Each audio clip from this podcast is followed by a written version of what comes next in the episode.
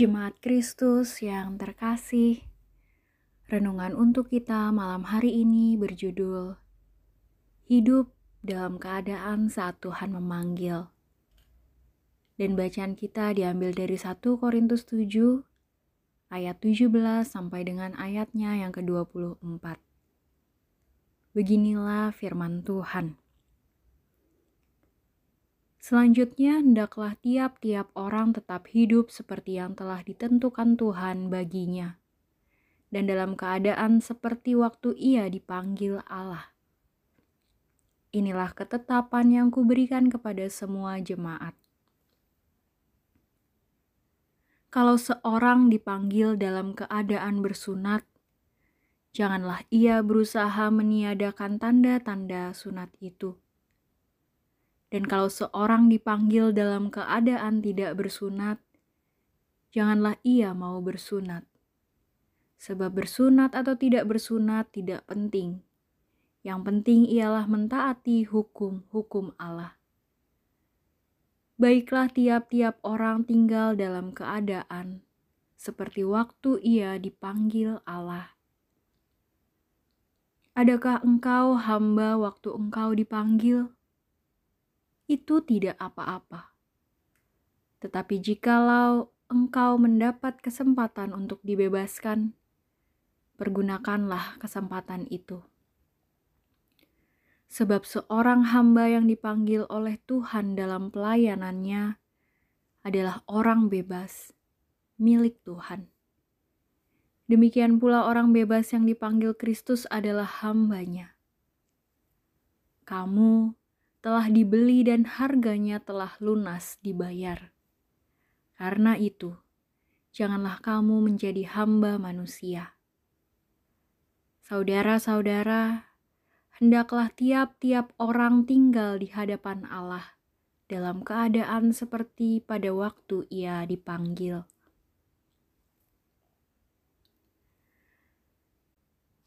Maksud yang dikatakan oleh Paulus ini adalah Kristus tetap menerima kondisi kita seperti apa pun adanya. Kristus tidak terlalu peduli dengan kondisi fisik, sosial, ataupun takaran-takaran duniawi yang membebani manusia. Kristus hanya menghendaki semua orang hidup di dalam kasihnya dan menyatakan kebenaran Allah. Paulus juga menekankan bahwa hidup di dalam Kristus adalah hidup yang dimerdekakan.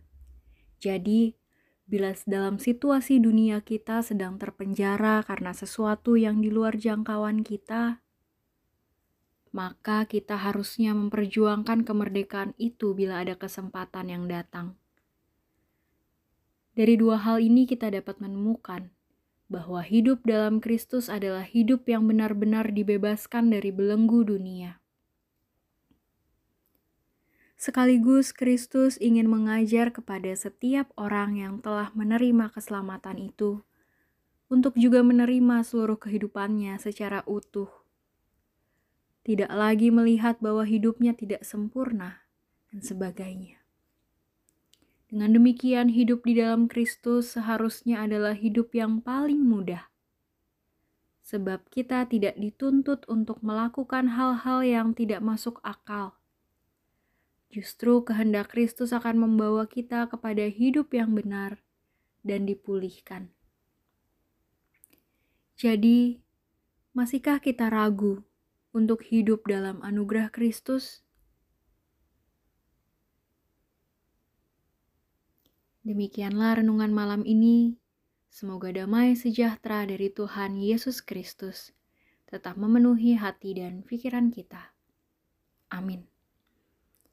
Jemaat yang terkasih, mari kita bersatu hati menaikkan pokok-pokok doa yang ada dalam gerakan doa 21 GKI Sarwa Indah. Mari berdoa.